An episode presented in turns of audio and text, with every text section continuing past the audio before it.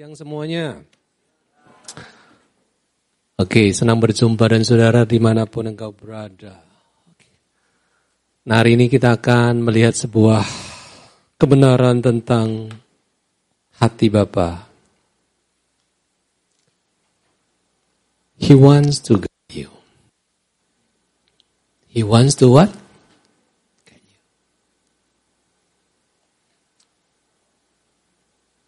Kacang bukanlah orang pemberani. Ada penakutnya dulu ketika usia SMP, SMA. Saya bukan orang yang suka tantangan.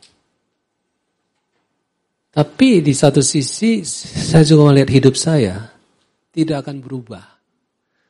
Kalau saya jadi orang yang takut resiko. Setelah saya percaya Yesus, usia 19 tahun, ada sesuatu yang berubah. Ada sesuatu yang berubah. Dulu seorang pemalu, dulu seseorang yang lebih senang duduk di belakang, dulu seseorang yang gak mau tampil karena takut salah. Takut bicara salah, takut berpenampilan salah. Tetapi satu titik ketika roh Tuhan ada padaku, sesuatu berubah. Apa yang berubah? Perubahan ini dimulai dengan sebuah ayat, yaitu Mazmur 32 ayat 8. Mari kita baca sama-sama. Satu, dua, tiga. Aku hendak mengajar dan menunjukkan kepadamu jalan yang harus kau tempuh. Aku hendak memberi nasihat mataku tertuju kepadamu. Sudah setiap kita mengerti seperti lagu tadi bahwa mata kita tertuju kepada Yesus. Itulah perjalanan iman kita. Betul saudara? Ibrani pasalnya yang ke 12 berbicara tentang mata kita yang harus tertuju kepada Yesus yang membawa iman kita kepada kesempurnaan. Hidup kita bukan sebuah perjalanan iman. Hidup kita ada sebuah perjalanan kasih. Mengapa? Kalau engkau mau endure till the end, engkau harus memelihara imanmu, tapi sekaligus engkau harus memelihara cintamu kepada Tuhan.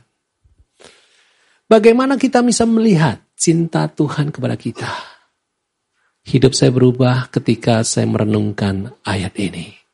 Mazmur 32 ayat 8. Aku hendak mengajar. I will instruct you. Dan menunjukkan kepadamu jalan harus kau tempuh. Aku hendak memberi nasihat. Mataku tertuju kepadamu. New King James Version berkata, I will instruct you. Menunjukkan kepadamu. And teach you, mengajar engkau concerning the path you should walk. I will direct you with my I will direct you with my eye. Wow. NIV menjelaskan lebih jauh apa itu I. I will instruct you and teach you in the way you should go. I will counsel you. Aku ingin memberi nasihat with my loving eye on you. Saudara, ketika kita percaya Yesus, kita tahu bahwa kita adalah Amin saudara. Ketika sudah bertobat, hidup sudah berubah. Ya, saya ingat ketika saya percaya Yesus, warnanya jauh lebih indah dibandingkan sebelum saya percaya Yesus. Saya lihat si orang lain, saya bisa mengasihi. Saya lihat apa uh, sesuatu, saya bisa mengasihi. Lihat anjing aja bisa mengasihi, saudara. Karena ada sesuatu yang terjadi. Tetapi perjalanan kasih saya kepada Tuhan sampai berapa lama? Itu pertanyaannya. Kasih dimulai dengan Bapa di surga. Di mana dia berkata demikian. Begitu besar kasih Allah akan dunia ini. Apa yang dimaksud begitu besar kasih Allah akan dunia ini? Mata Bapa melihat dunia ini. Saudara dan saya ada bagian dunia ini. Mata dia melihat saudara. Ketika mata dia melihat saudara, mata yang melihat kepada saudara itulah tanda kasih. Ketika saudara mengasihi seseorang, saudara akan lihat wajahnya. Amin, saudara. Siapa di sini yang pernah jatuh cinta? Angkat tangan. Belum pernah jatuh cinta ya? Jatuh dari tangga pernah, Pak? Jatuh dari apa? Tempat tidur pernah. Jatuh cinta saya belum pernah. Atau sudah berkata, cinta tidak pernah jatuh. Cinta ada sebuah keputusan. Bagus. Gitu. Jatuh cinta kan kayak kebetulan ya jatuh gitu. Tersandung mendadak cinta. Enggak. Jatuh apa cinta kan sebuah keputusan. Ya kan? Saudara, ketika sudah mengasihi seseorang, terlihat di dalam matamu. Matamu selalu tertuju kepada si dia atau si doi. Yang mana nih? Betul, saudara? Ah, Saudara, sehingga berkata kepada saudara, Bapak di surga bukan hanya jatuh cinta, tapi dia mencintai engkau sebelum engkau lahir sebelum engkau lahir. Dia sudah tahu. Engkau Allah, engkau lahir. Weh, ah, ini lahir di Pulau Jawa. Weh, ini lahir di Tapanuli. Weh, ini Madura nih. Ah, ketika engkau hari ini hadir di ruangan ini, sadarkah saudara, mata Bapamu di surga tertuju kepadamu, bukan hari ini. Sejak dulu, sebelum dunia dijadikan, sebelum engkau ada, matanya sudah tertuju kepadamu. Amin, saudara. Mau bukti ayatnya? Tidak di PowerPoint ini, nggak ada. Mazmur 139 dikatakan, engkau dibentuk dalam kandungan mamamu. Hari-hari di mana engkau dibentuk, tulang-tulangmu ada, itu semua dicatat dalam buku kehidupan. Artinya, engkau tidak kebetulan, tidak kebetulan ada di dunia ini. Bilang sama dirimu, aku nggak kebetulan ada di dunia ini. Hah? Aku tidak kebetulan ada di ruangan ini. Bilang kiri kanan, aku tidak kebetulan ketemu dan kamu. Tidak kebetulan. Tidak kebetulan. Nah, ini adalah sebuah kebenaran. Mata itu bukan hanya untuk mengasihi saudara. Tapi mata ini bicara, I will guide you, instruct you. Apa? with my eye. Ternyata mata ini mau mengarahkan saudara. Mata ini mau menunjukkan jalan ke mana engkau harus tempuh. Saudara, siapa di sini anak SMA 1, 2, 3? Angkat tangan. Angkat tangan. Amin. Oke. Okay. Sadarkah saudara banyak anak muda salah jurusan? Kenapa salah jurusan? Because they never counsel with God. Mereka hanya senang apa? Masak-masak, cari jurusan chef. Mereka senang gambar-gambar, ambil jurusan di kafe, arsitek. Mereka sedang pegang uang, masuk bisnis. Saudara, ketika engkau melibatkan Tuhan dalam hidupmu, engkau akan berjalan dalam jalan-jalannya Tuhan. Ketika engkau tidak melibatkan Tuhan dalam hidupmu, engkau akan berjalan menurut jalanmu dan keinginanmu dan pemikiranmu. Saya punya, dulu saya pilih dua jurusan. Saya pengen jurusan pertanian dan jurusan teknik sipil. Itu jurusan yang ada ada pikiran sudah saya. Kenapa saya pilih jurusan pertanian? Karena cita-cita saya mulia menjadi berkat buat nusa dan bangsa. Jadi petani. Tapi ada satu titik saya merasakan ternyata nggak ke arah situ. Waktu itu saya belum kenal Tuhan. Saya masih proses mau masuk kuliah. Tapi saya mengerti mengapa Tuhan taruh saya di jurusan ini. Karena saya perlu belajar sesuatu yang berbeda. Saya butuh belajar sesuatu yang eksak yang membuat sebuah bangunan jadi. Tujuannya suatu hari saya akan melihat pekerjaan Tuhan. Gereja adalah bangunan bait Allah secara rohani. Bagaimana membangunnya? Tentu bukan dengan ilmu yang disebut teknisi. Enggak. Tapi minimal analoginya ada. Hari ini kesadaran mata Bapak ada dalam hidup adik-adik. Kesadaran inilah yang akan membuat engkau tidak pernah akan mundur karena engkau kesepian. Lagi sepi di rumah sendirian, papa mama pergi, kakak pergi. Engkau ada di kamar, mendadak ada perasaan sepi datang. Komsel nggak ada yang teleponin, ya dah. Engkau kesepian dan engkau berkata, tidak ada yang sayang saya. Dengar. Your father is looking at you.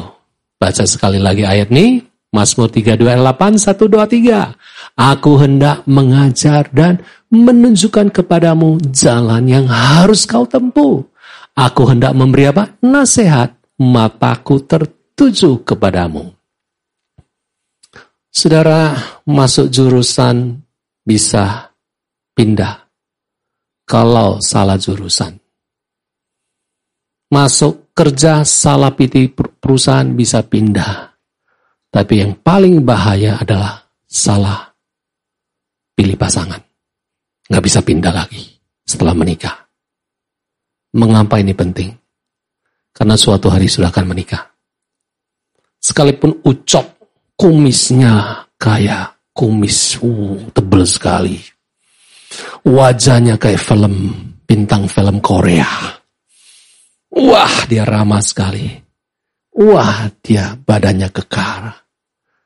Engkau harus melibatkan Tuhan. Karena Bapakmu mau menunjukkan jalan engkau harus apa? Kau tempuh. Kesadaran itu membuat saya perlu melibatkan Tuhan di dalam apa pun yang saya kerjakan. Kesadaran inilah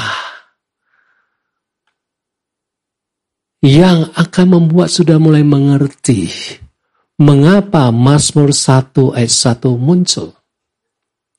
Menarik Raja Daud menaruh syair-syairnya. Ya, dalam Mazmur itu nyanyian. Dengan nyanyian pertama adalah Berbahagialah orang yang tidak berjalan menurut apa? Nasihat siapa? Orang fasik. Berbahagialah orang yang tidak berdiri di jalan orang berdosa. Dan yang tidak duduk dalam kumpulan siapa? Pencoma. Tetapi yang kesukaannya ialah apa? Taurat Tuhan. Dan yang merenungkan Taurat itu siang dan malam. Ketika sudah mengerti bahwa Bapa di surga matanya tertuju kepadamu, dia mau memimpin engkau, he will guide you with his truth, dengan kebenarannya. Makanya Raja Daud luar biasa. Dia berkata begini, kalau kamu mau berhasil, hobimu haruslah Alkitab. Bilang kiri kanan, hobimu haruslah apa? Baca Alkitab. Bukan piara anjing, bukan piara apalagi burung, bukan piara ikan, kura-kura, kelinci, ya kan? Bukan. Hobimu bukanlah nonton Netflix, hobimu bukan nonton ini dan itu, ya kan? Hobimu adalah apa? Baca Alkitab. Tapi engkau berkata, ah, lebih menarik Netflix daripada Alkitab. Saudara, kesadaran bahwa Bapak di surga mau direct, mau mengarahkan hidup kita. Dia mau berbicara kepada kita. Dia mau berbicara lewat Alkitab. Membuat saudara menyadari bahwa kesukaan yang paling membuat saya sukses adalah suka akan firman Tuhan. Makanya saya dorong saudara, Taruh handphonemu jauh-jauh ketika engkau tidur. Karena di handphone ada Alkitab. Tiap pagi engkau bangun, engkau baca Alkitab, engkau buka di handphone apa yang sudah baca terlebih dahulu. WA. Betul saudara? Hei, betul saudara? Betul atau benar? Ah? Ketika sudah baca WA, berita pertama, teman kita bilang, eh, nanti selesai sekolah kita main ya. kita pergi makan, ya makan di siang hari. Muncul WA berikutnya, Papa si Anu meninggal. Muncul WA lagi yang lain, I hate you. Lagi mau baca Alkitab, muncul I hate you. Hilang selera kita baca Alkitab. Sudah itulah persoalan kita dengan handphone. Hari ini, ambil di lemarimu buku Alkitab, taruh di samping. Ranjangmu. Ketika engkau bilang aku mau baca Alkitab, bukalah itu. Kalau engkau tidak sanggup mengalahkan handphonemu, pakailah buku. Pakailah apa? Ngomong-ngomong bukunya masih ada nggak ya? Ah, Pak, udah jadi kertas koran. Oh, itu. Bertobatlah. Saya percaya, sebagai seorang bapak, aku mau anak saya berhasil. Bapakmu di surga mau engkau berhasil. Tapi bagaimana engkau berhasil? Engkau harus melibatkan dia. Engkau harus percaya dia mau menunjukkan jalannya kepada saudara. Tapi menarik. Dia mulai dengan berbahagialah. Ayat 1. Orang tidak berjalan menurut orang fasik. Pertanyaannya adalah, di manakah orang fasik itu? Ah, ada di mana-mana. Ada di mana-mana. Berbahagia orang yang tidak berjalan menurut apa? Nasihat orang fasik. Berbahagia orang yang tidak berdiri. Tadi tidak berjalan, tidak berdiri. Dan yang ketiga apa? Tidak duduk. Kumpulan pencemooh. Tidak berdiri di jalan orang berdosa. Mengapa ayat ini ditaruh di dalam kitab Mazmur dari 150 pasal itu tebal sekali 150 ya toh itu kitab paling panjang Ya kan? Kejadian kalah. Wahyu kalah. Mengapa Daud menaruh? Itu yang pertama kali. Pernah kepikiran? Ternyata yang mengajarkan kita untuk bikin dosa adalah teman kita. Yang mengajarkan kita dosa seksual adalah teman kita. Yang mengajarkan kita pornografi adalah teman kita yang mengajarkan kita masuk ke dunia gelap adalah teman kita. Yang mengajarkan kita lakukan banyak hal yang gak benar adalah teman kita. Betul saudara? Halo, betul nggak? Betul nggak? Saya berjumpa dengan seorang pria. Dia berkata, yang mengajarkan saya masturbasi adalah teman saya di SD. Oh, betul. Yang mengajarkan saya nonton film porno adalah SMA 1, teman saya. Yuk nonton yuk. Saudara, Alkitab berkata, berbahagialah. Sudah mau bahagia?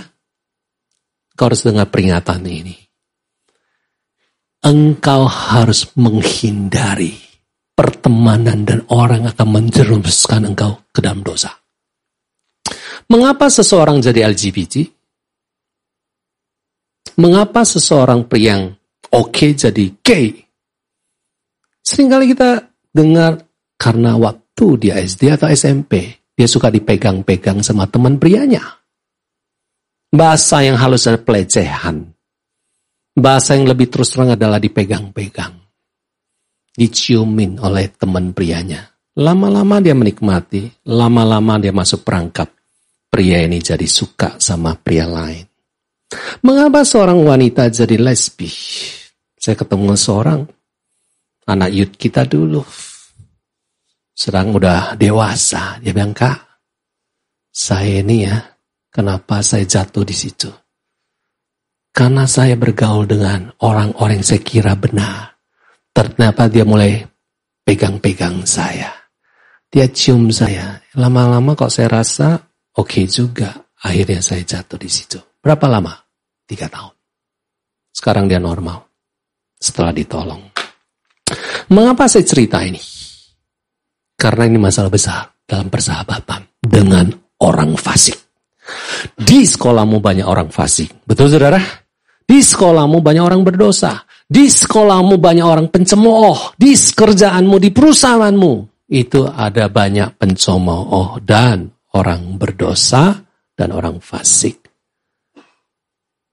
Karena peringatan pertama dari seorang raja namanya Daud. Mazmur 1 ayat 1. Jadi bagaimana kita mau melihat pimpinan Bapak Surgawi? Bagaimana kita bisa memahami Bapak di surga mau memimpin kita? Yang pertama, janganlah kau dipimpin oleh temanmu. Janganlah kita dipimpin oleh siapa? Orang berdosa. Amin. Halo, sudah mulai mengerti? Teman-teman kita pencemoy akan menarik kita untuk menikmati sesuatu yang tidak boleh. Bukankah pertemanan tanda kutip Dosa pertama manusia terjadi karena ada dialog dengan iblis. Yang kok dialog siapa? Hawa, betul? Ngobrol. Ngobrol. Mulai dengan apa? Ngobrol. Selama ini Hawa lihat pohon pengetahuan baik dan jahat biasa aja sih. Tapi gara-gara ngobrol sama ular, heran ya ular bisa ngomong loh. Ya kan? Kalau saya jadi hawa langsung saya kaget. Wah ular bisa ngomong nih ya. Tetapi Alkitab menjelaskan terjadilah obrolan. Dan Hawa jatuh karena dia berjalan menurut nasihat ular iblis. Yang kedua adalah bagaimana menghadapi pergaulan yang bisa menjerumuskan kita dalam dosa. Ada sebuah kata di dalam kitab Daniel. Daniel 1 ayat 8. Baca sama-sama. 1, 2, 3. Daniel berketetapan untuk tidak menajiskan dirinya dengan apa? Santapan raja dan dengan anggur yang biasa diminum raja. Dimintanya lah kepada pemimpin pegawai istana itu. Supaya ia tak usah apa? Menajiskan dirinya. Saudara Daniel menghadapi sebuah godaan. Ada di tengah-tengah orang fasih, orang berdosa. Dia diharuskan makan makanan raja. Tentu lebih enak daripada makanan yang biasa dia makan. Tapi dia tahu bahwa hukum Taurat melarang dia untuk makan makan apa? Ngohyong. Babi panggang. Warna merah lagi. Sas, chasyu. Gitu. Syunyuk Nah, itu bahasa Kentonis. Apalagi? Banyak. Mengapa dia tidak menuruti nasihat orang fasik? Karena dia punya prinsip. Katakan, punya prinsip. Punya prinsip, saudara. Dan bukannya punya prinsip, Daniel berketetapan Bahasa Inggrisnya bagus. Purpose in his heart. Dia memiliki sebuah ketetapan hati. Dia nggak akan digoyahkan. Dia nggak bisa digoyahkan oleh antara nanti kalau nggak taat dia akan diturunkan, ya toh, tidak lagi jadi pegawai istana. Banyak pertimbangan, banyak menyangkut karir, banyak menyangkut apakah pimpinan saya akan senang atau tidak. Tapi kuncinya dulu, satu. Kunci dalam hidupmu harus satu. Engkau mau menyenangkan Tuhan atau menyenangkan manusia. Kalau engkau mau menyenangkan manusia, selalu engkau jatuh. Selalu diajak teman, kamu nggak bisa berkata, No, I'm sorry. Engkau ngikuti karena engkau takut kehilangan teman. Di situlah engkau tidak punya ketetapan hati. Nah Daniel menjadi orang yang luar biasa melewati tiga zaman raja. Ya loh, dia bertahan karena dia punya prinsip dan dia hidupi prinsip itu dengan ketetapan hati. Saudara, sudah mau menang? Halo? Sudah mau menang dalam persahabatan yang salah? Yang pertama, hindari, bukan menjauhi. Hindari artinya ada waktunya engkau lari. Kalau nggak kuat, jangan ikutin. Ya toh? Bukan berarti engkau tidak berteman lagi, hitung kekuatanmu. Yang kedua, miliki ketetapan hati. Yang ketiga adalah memilih pilihan yang benar. Karena ketetapan hati nggak cukup di hati, tetapi engkau harus ambil keputusan, harus bertindak. Ibrani 11 ayat 24. Karena iman maka Musa setelah dewasa menolak disebut anak putri siapa? Putri Firaun. Karena ia lebih suka menderita sengsara dengan umat Allah daripada untuk sementara apa? Menikmati apa? Kesenangan dari dosa. Dosa selalu memberi kesenangan. Betul, saudara? Dosa selalu memberikan sebuah kesenangan. Tapi Alkitab berkata kesenangan itu hanya sementara. Kesenangan itu hanya apa? Sementara. Tapi rasa bersalah akan terus mengikutinya. Rasa berdosa selalu mengikutinya. Rasa tertuduh selalu mengikutinya. Hari ini Musa ketika kita baca Al-Ibrani, kita mulai mengerti hari ini. Karena iman maka Musa memilih. Dia memilih pilihan yang benar. Menolak fasilitas istana. Menolak fasilitas yang menyenangkan dirinya. Dia memilih untuk loving God whatever it costs. Karena dia tahu. Dia tahu.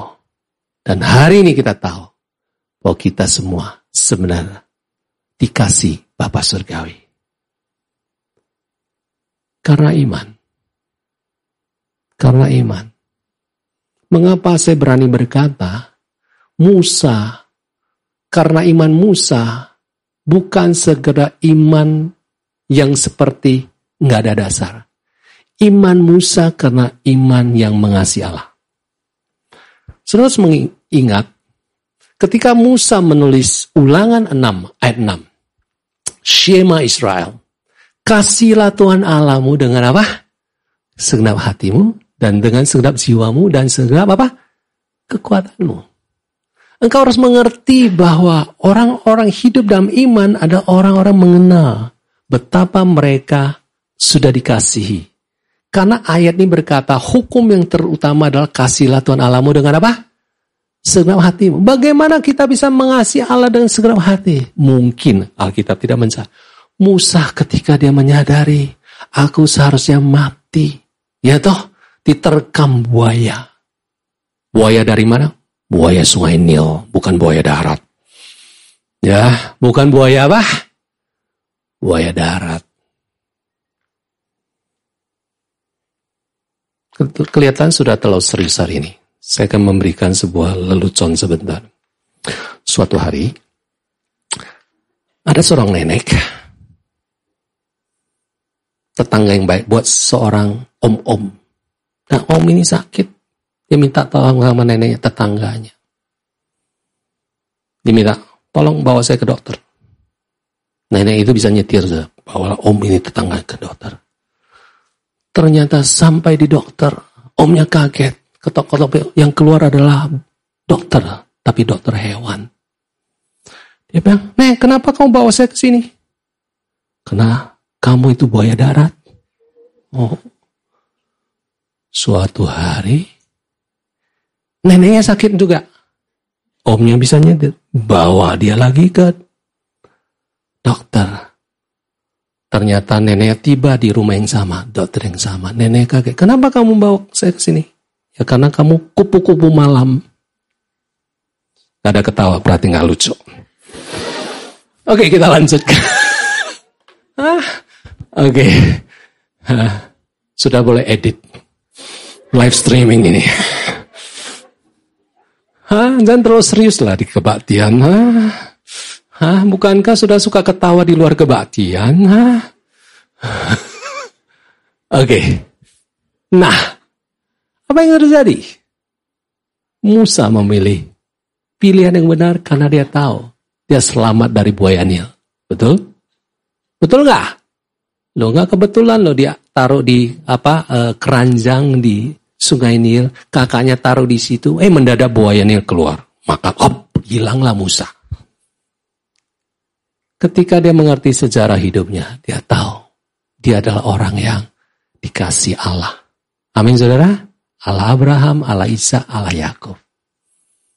Hari ini, engkau harus mengerti Bapakmu di surga will guide you with his loving eye He will guide you through His truth. Kebenaran apa yang kita belajar hari ini? Berbahagialah kalau engkau bisa melihat pergaulan ini bisa merusak dan bisa membangun hidupmu. Saudara punya tiga poin nih. Yang pertama, hindarilah. Ketika engkau tahu persahabatan menuju kepada perangkap dosa, tinggalin. Yang kedua adalah punya ketetapan hati. Yang ketiga adalah pilih. Pilihan yang mana? Kalau engkau terikat dosa sampai hari ini, apa yang saudara lakukan? He guides you with his voice in your inner heart. Nah, Paulus berkata, Roma 9 ayat 1. Aku mengatakan kebenaran dalam apa? Dalam Kristus. Aku tidak berdusta. Suara hatiku, perhatikan, ada suara hatiku turut bersaksi dalam roh kudus. Mengapa ini penting? Mengapa ini penting? Saudara, Kacang sudah jadi gembala nikah buat banyak orang. Mungkin sudah di atas 30 orang. Setiap kali mereka menikah, konseling awal. Dari pengalaman bertahun-tahun, puluhan tahun, 30 tahun lebih, sebuah pertanyaan begini. Sebuah pertanyaan. Apakah waktu kalian pacaran, kalian sudah jatuh dalam dosa? Pernah, mengapa pertanyaan penting? Karena dalam sebuah pernikahan, yang paling penting adalah kekudusan. Pengantin pakai baju putih, itu ada sebuah simbol kekudusan. Betul? Simbol baju putih kekudusan. Yang paling penting dalam sebuah pernikahan adalah kehadiran Tuhan.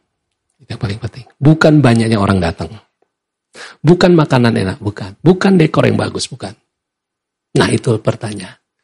Ketika kacang bertanya, mayoritas berkata jujur. Mayoritas berkata apa? Jujur. Ya, kami masih oke. Okay. Paling gandengan tangan. Atau lebih jauh? Ya, kami oke. Okay. Hanya cium di kening cium di pipi, oke. Okay. Ada juga, ya kami sudah berciuman lewat bibir, oke. Okay. Ada lebih jauh, ya kami sedang menyentuh bagian-bagian yang tertentu, organ yang merangsang, oke. Okay. Bagus. Mengapa mereka cerita? Karena menyangkut suara hati. Suara hati bisa hati nurani. Suara hati bisa roh kudus diam di dalam hati kita juga. Bagaimana roh kudus sering kali berbicara sesuatu yang mendorong kita untuk berkata jujur. Amin saudara.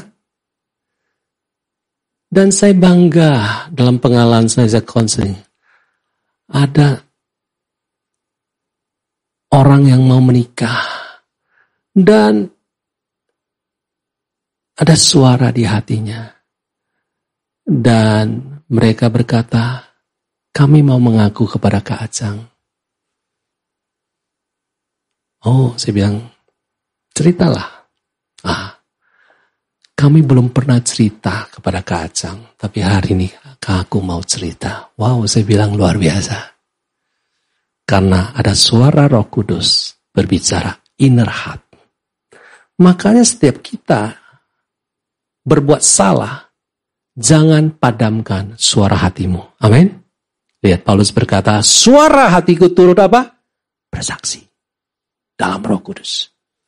How your father, your heavenly father guide you through the inner voice in your heart. Karena di situlah roh kudus ada.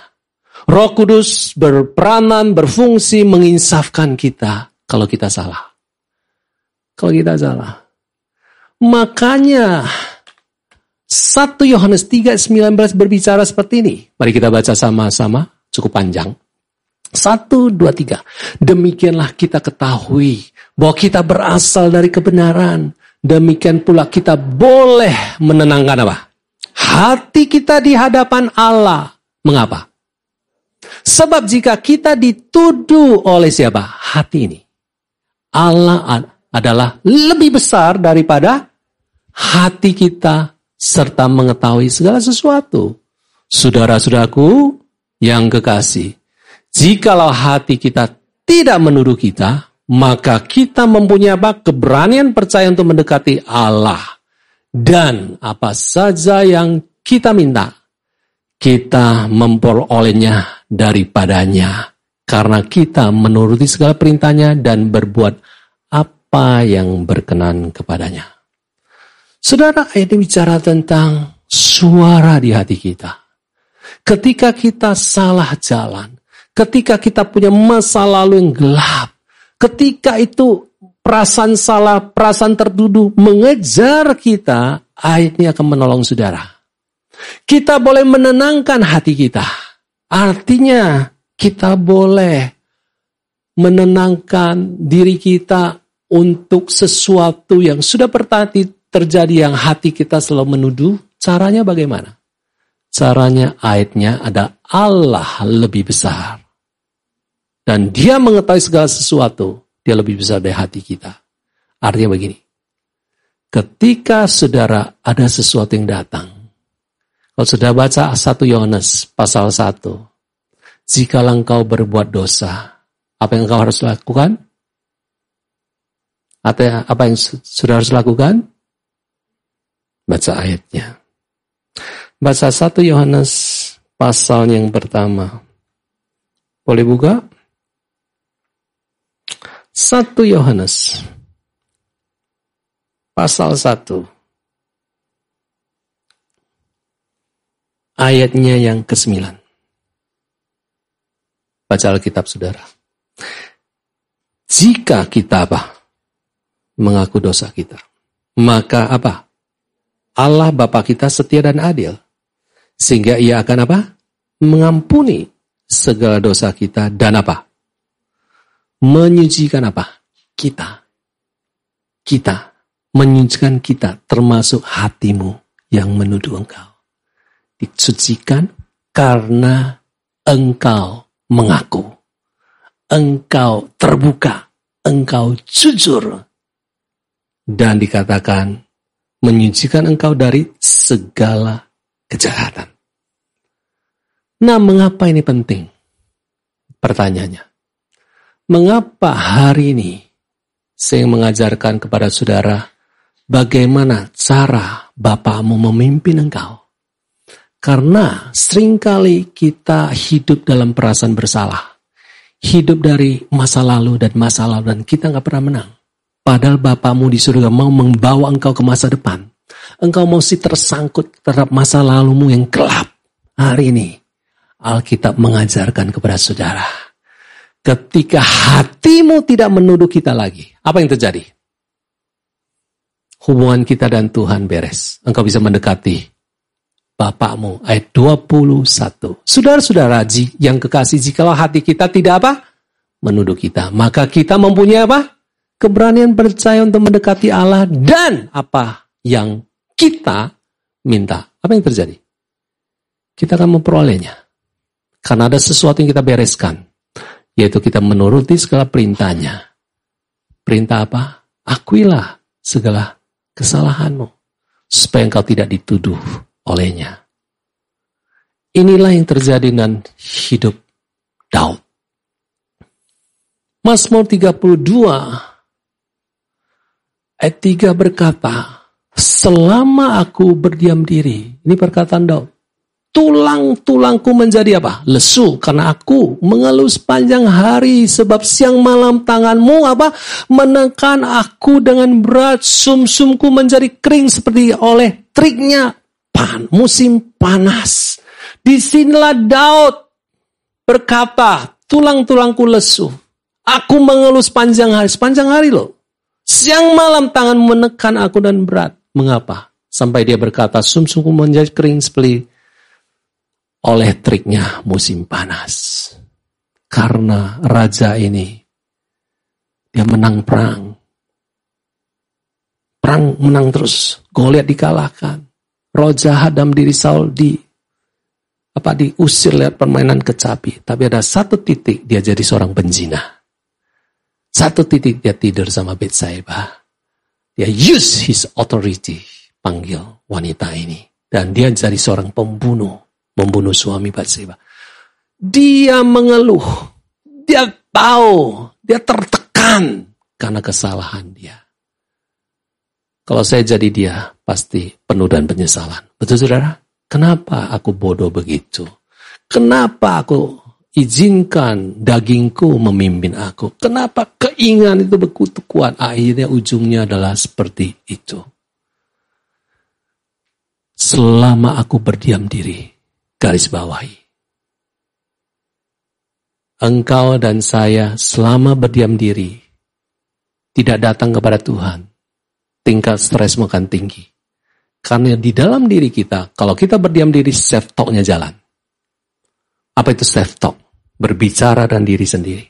Pernahkah teman-teman, ya toh, adik-adikku, ketika diomongin orang, dasar, bentang-bentang dia ini itu, ngerti ya? Dia itu pria tapi bukan laki, laki nggak begitu. Wah, dengar tuh, wah, gua pria atau laki. Katanya laki nggak begitu. Engkau merasa aduh dirimu ada banyak salah. Engkau merasa dirimu ah gagal. Dan muncul pikiran aku gagal, aku salah. Terus muncul lagi hal-hal negatif. Ah, ya sudahlah. Hmm, sekali gagal, tetap gagal selama-lamanya. Mudah muncul pikiran negatif. Self talknya jalan. Ya, ya udah kehilangan satu teman ya biarin lah. Walaupun nggak ada yang berteman, ya hidup nggak berhenti di situ. Dan lama-lama self talknya jalan. Banyak orang jatuh dalam dosa seksual karena banyak self talk, tertekan. Larinya ke mana? Nonton, memuaskan daging dan berbagai cara. Dan Daud ngalami situasi ini. Tapi menarik, ada sebuah kata sela di situ, N4. Betul? Ada sebuah kata apa? Sela. Mengapa seseorang perlu sela? Apa arti sela? Ini nyanyian, nyanyian. Lagi nyanyi, Mazmur 32 nyanyi, ya toh? Sela, artinya berhenti nyanyi. Yang ada ada alunan musik, interlude. Hidup kita, kita butuh sela. Ketika dalam terkekan, kita perlu berani sebenarnya. Bilang sama otakmu, berhenti mikir. Apa yang kau harus lakukan? Ayat 5. Datang kepada Bapamu. Daud berkata, dosaku ku beritahukan kepadamu. Wow, dia nggak sembunyi loh. Daud berkata, kesalahanku tidaklah aku sembunyikan. Aku berkata, aku akan mengaku kepada Tuhan pelanggaran-pelanggaranku dan engkau mengampuni kesalahan karena dosaku. Salah lagi. Apa yang saya mau katakan kepada saudara? Bapamu tidak pernah bisa memimpin engkau. Kalau engkau berdiam diri, menyesali nasibmu, menyesali kondisimu. Engkau perlu datang kepada bapamu. Engkau cerita curhat. Tahu curhat? Ah, bukan makin cur, makin hat. Keras gitu. Cerita aja. Cerita. Tuhan mengapa masih aku terikat dosa ini? Ngomong. Tuhan kenapa saya takut mati? Ngomong. Tuhan kenapa saya masih suka ini itu? Ngomong. Bawa itu di hadapan Tuhan. Amin, saudara. Kenapa ini penting? Karena engkau harus mengerti hubunganmu dengan bapakmu adalah hubungan anak dengan bapak. Engkau anak Allah, amin. Anak, kau bicara kepada bapak, bapak pasti mendengar. Bapakmu pasti mendengar, apalagi engkau punya sebuah keyakinan, bapakku matanya selalu tertuju kepada aku. Mungkin mata orang lain gak tertuju kepada saya. Mungkin buat orang lain saya kurang menarik, kurang cantik, kurang ganteng. Gak masalah. Bapakku melihat aku. Keyakinan ini membuat engkau dan saya bisa jujur di hadapan Tuhan. Bisa bawa setiap persoalan-persoalan. Bisa bawa semua. Mengapa Tuhan aku gak bisa mengampuni dia? Lihat wajahnya sebel. Lihat wajahnya udah sebel. Apalagi satu kebaktian. Dia duduk depan, aku duduk belakang. Tuhan kenapa ya saya nggak bisa mengampuni orang ini. Bawa itu di hadapan Tuhan. Tetapi ada selanya. Ada apa? Selanya. Bukan selanya David. Hah? Hah? Di, di handphone saya ada yang nama Sela. Ya, bukan Sela itu nih. Sela yang lain. Sela berhenti sebentar. Setelah engkau membawa perkaramu, kesusahanmu, kesulitanmu, keterikatanmu, khawatirmu, panikmu, ketakutanmu. Di situlah engkau sela lagi. Ayat 6. Sebab itu hendaklah setiap orang saleh berdoa kepadamu. Wow. Tanya kasih apa ya? Curhat dosaku. Sekarang nadanya berubah nih. Sebab itu setiap orang saleh berdoa kepadamu. Kasih kayak Daud kasih nasihat sama kita nih. Sebab engkau dapat ditemui sesungguhnya pada waktu banjir besar terjadi itu tidak melandanya. Ayat 7. Engkaulah persembunyian bagiku. Terhadap kesesakan engkau menjaga aku. Engkau mengelilingi aku. Sehingga aku luput dan sela lagi. Sudah ketika engkau lihat semuanya ini. Ayat 6 dan 7. Ada sebuah perkataan iman di situ. Sadarkah saudara Roma 12 berkata iman timbul dari mana? Pendengaran akan apa? Firman Kristus. Jadi ketika orang menceritakan kesusahannya, dia harus berhenti sebenar. Mungkin roh kudus mengingatkan sebuah kebenaran. Ketika dia dapat kebenaran dari Alkitab yang dia pernah dengar atau baca, dia bisa berkata, engkaulah persembunyianku. Di tengah kesesakanku, engkau menjaga aku. Tapi nggak berhenti di sela lagi. Muncullah sebuah ayat yang kita bahas. Ayat 9. Ayat 9 apa? Aku hendak.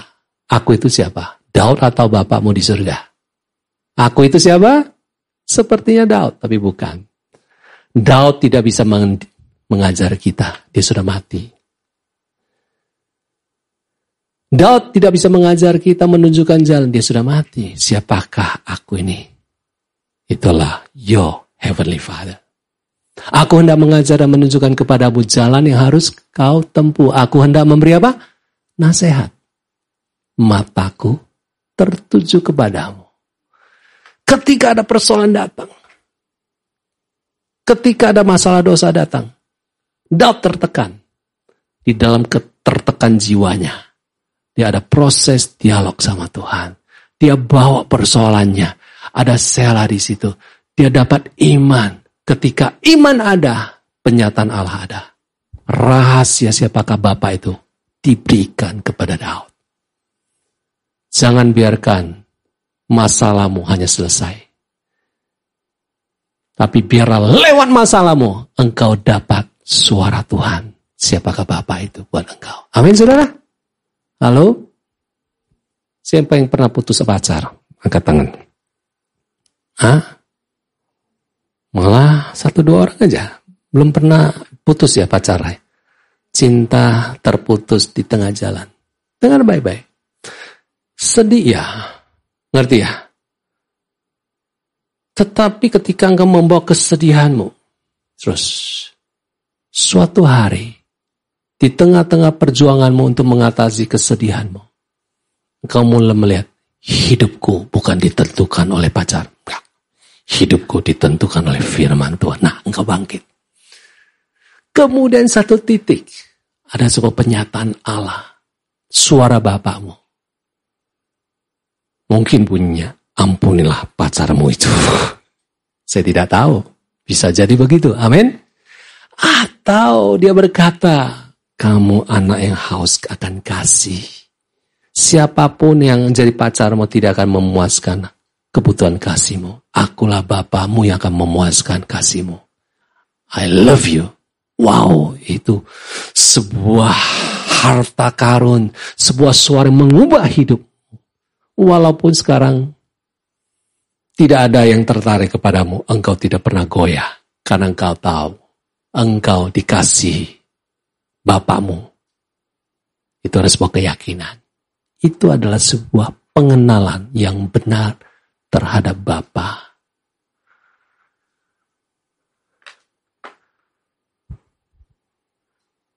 Dia mengasihi engkau dan dia mau memimpin engkau. Lewat apa? Kebenarannya. Lewat apa? Lewat suarama. Lewat apa? Lewat engkau beri waktu untuk berbicara kepada dia.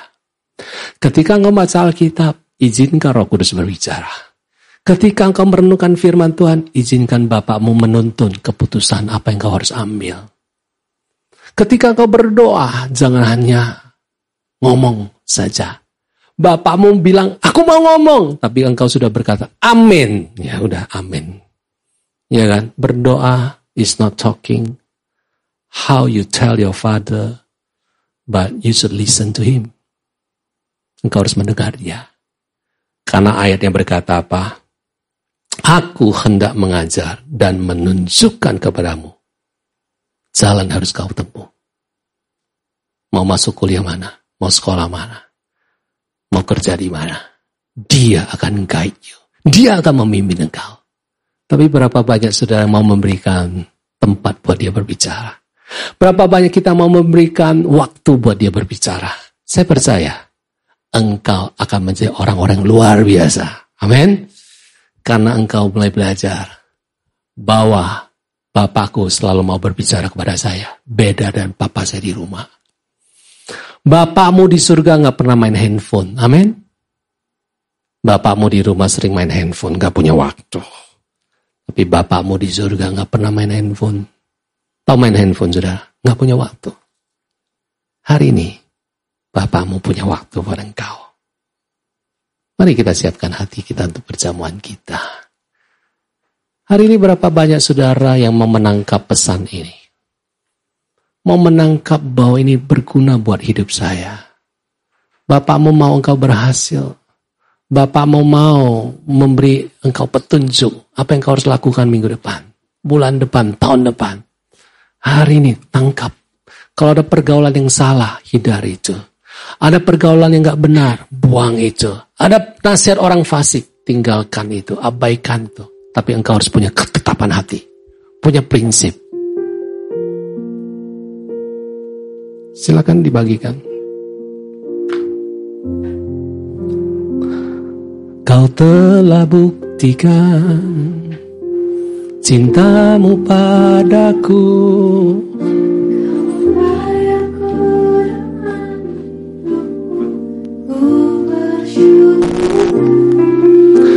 Yang ada padaku.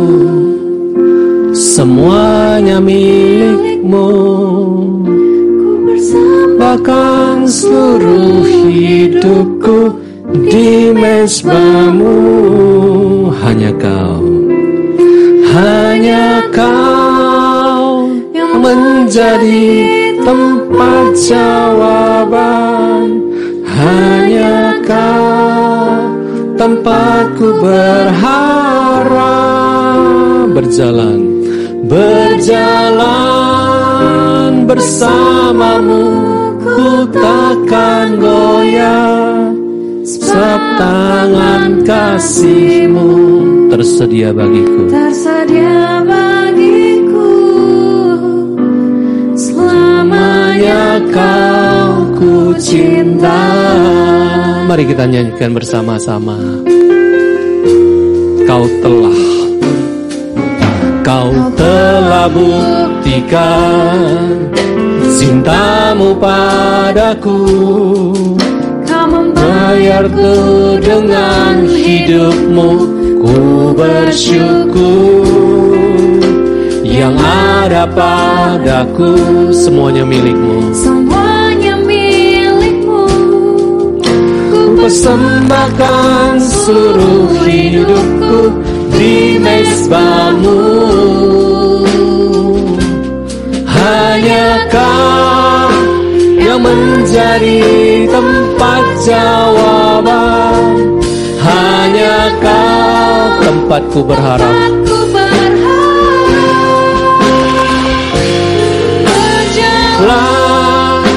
bersamamu ku takkan goyah Sebab tangan kasihmu tersedia bagiku Selamanya kau ku cinta Bolehkah kita bangkit berdiri? Hari ini kita akan makan dan minum perjamuan ini dengan cara yang berbeda. Saya tidak akan menyebut ayat demi ayat dalam sebuah perjamuan. Yesus berkata, setiap kali kau memangannya, ingatlah akan apa? Kematianku. Mengapa Yesus mau kita ingat kematiannya? Lagu ini berkata, kau telah buktikan cintamu padaku. Inilah hati Yesus buat saudara. Inilah kasih Yesus buat saudara. Dia mewakili Bapak Surgawi untuk menyatakan kasihnya kepada saudara lewat pengorbanan nyawanya. Hari ini nyanyi lagu ini dan itu sebuah ungkapan kasihmu.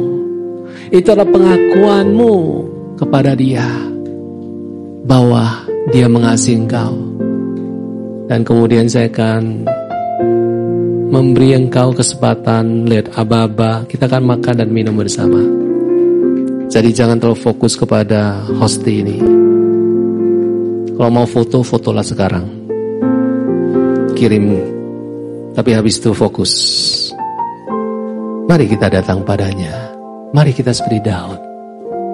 Ambil waktu, ambil sela. Kau telah buktikan cintamu padaku. Kau membayarku dengan hidupmu. Ku bersyukur ya yang ada padaku semua itu milikmu. Semuanya milikmu Ku persembahkan seluruh hidupku di mesbahmu. Katakan hanya kau, hanya kau yang menjadi tempat jawaban. Hanya kau tempatku berharap. Bersalah bersamamu ku takkan goyah. Sebab tangan kasihmu tersedia bagiku selamanya kau ku cinta.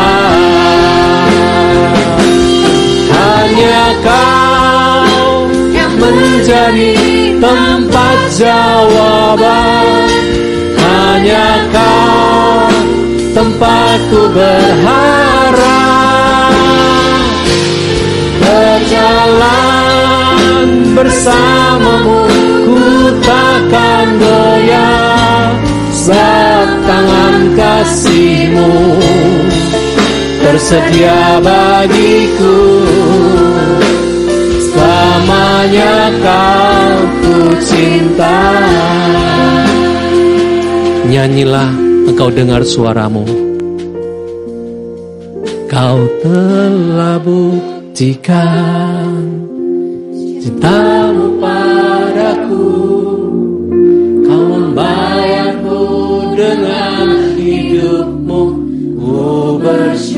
bersyukur kau hafal lagu ini kau tutup mata. Ada padaku Semuanya milikmu.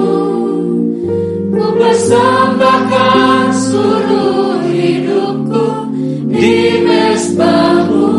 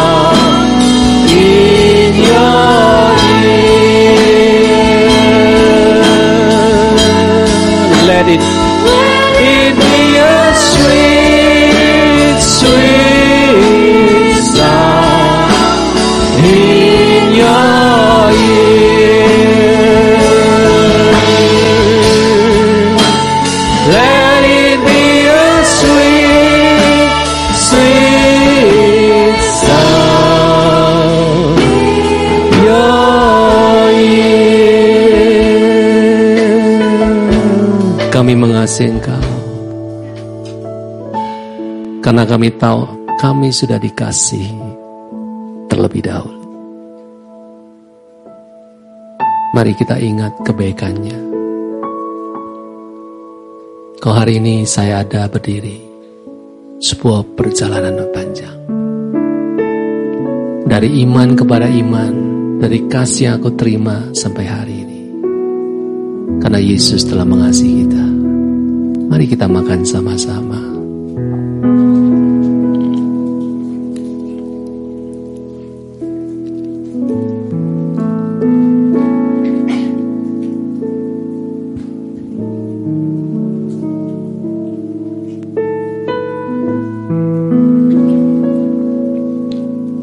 Bentuk kasih terbesar adalah pengampunan. Mari kita bersyukur buat pengampunan Tuhan. Dosa-dosa kita kita ceritakan kepada Dia. Tidak ada yang disembunyikan. Kesalahan-kesalahan kita kita cerita kepada Dia.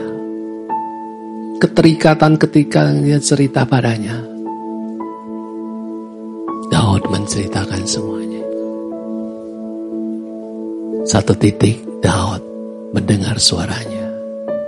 Hari ini engkau dikuduskan disucikan lewat dosa yang diceritakan dan diampuni.